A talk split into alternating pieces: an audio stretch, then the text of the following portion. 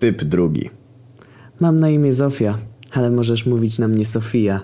Pochodzę ze Słupska, interesuję się okultyzmem i satanizmem. Jestem poetką i osobą pełną sprzeczności.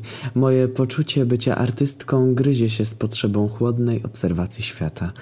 Możesz do mnie napisać, ale prawdopodobnie będę dla ciebie zbyt dziwna. Napisałem do takiej, zaimponowałem jej wiedzą o kinie. XD. Powiedziałem, że zmierz to chujowy film, na co ona zaczęła psioczyć, że kiedyś to było kino prawdziwe, szczere, a teraz to jest gówno bez wyrazu i jakoś to się tam potoczyło. Umówiliśmy się następnego dnia. Do kina. Problem polega na tym, że ja miałem na Tinderze ustawioną swoją fotkę, a ona nie. Na prośbę, żeby mi podała swojego face'a albo chociaż wysłała zdjęcie, odparła, że przekonam się na żywo. No spoko. Czekam więc w kinie. Stoję jak ten pachołek przez dobre 15 minut, a w końcu idzie ona. Kroczy. Stąpa. 580 kilo żywej masy, dublerka Godzilli, cosplayerka Magdy Gessler. W mojej głowie zachodzi chłodna kalkulacja. Uciekać czy dać jej szansę? Pot spływa po moich skroniach, a gdybym nie miał zwieraczy ze stali, to bym się zesrał ze stresu. Obiekt zbliża się coraz bardziej, w końcu obdarza mnie spojrzeniem i uśmiecha się obleśnie. Kurwa. W końcu jednak mija mnie i idzie dalej. Ukradkiem zerkam za siebie. Dziewczyna wita się z paroma koleżankami i siada przy stoliku. A więc to nie moja Sofia. Sofia pojawia się dwie minuty później. Od pierwszego wejrzenia wiedziałem, że to ona. Niebiesko-różowe włosy jak jebany paw, kraciasta spódniczka plus koszula. Gdybym był mangozjebem, to mój wojownik natychmiastowo zacząłby trzymać wartę. Z ryja taka średnia, akurat na moje standardy. Ale wiecie co mnie pierdolnęło w ryj najbardziej? To, że było 30 stopni w cieniu, bo akurat środek wakacji, a ona miała na stopach glany. Czajcie glany.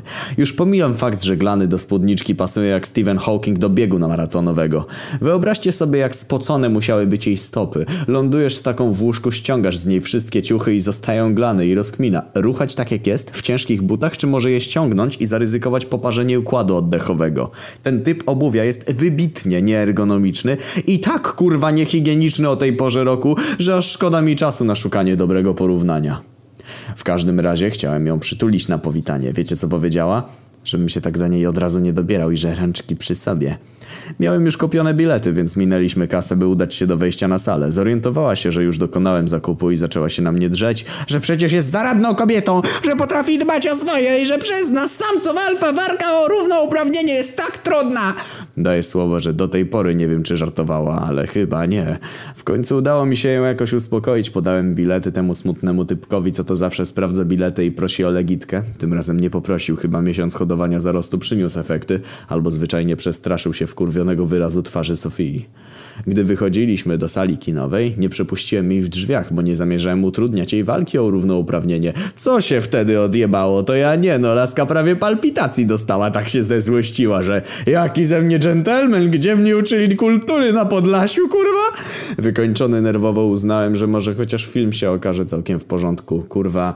Nic bardziej mylnego. Znaczy, nie zrozumcie mnie źle, produkcja może nie zasługiwała na miano arcydzieła, ale mogłaby być całkiem znośna. Mogłaby być, gdyby nie komentarze Sofii, która komentowała prawie każdą scenę, że jak ta laska mogła z nowo poznanym facetem pójść do łóżka. Przecież to niemoralne, dlaczego ona jest naga? Przecież to jawne uprzedmiotowienie. O, hehe, facet zdech. A, dobrze mu tak, bo to facet. Ej, Kuba, czemu płaczesz?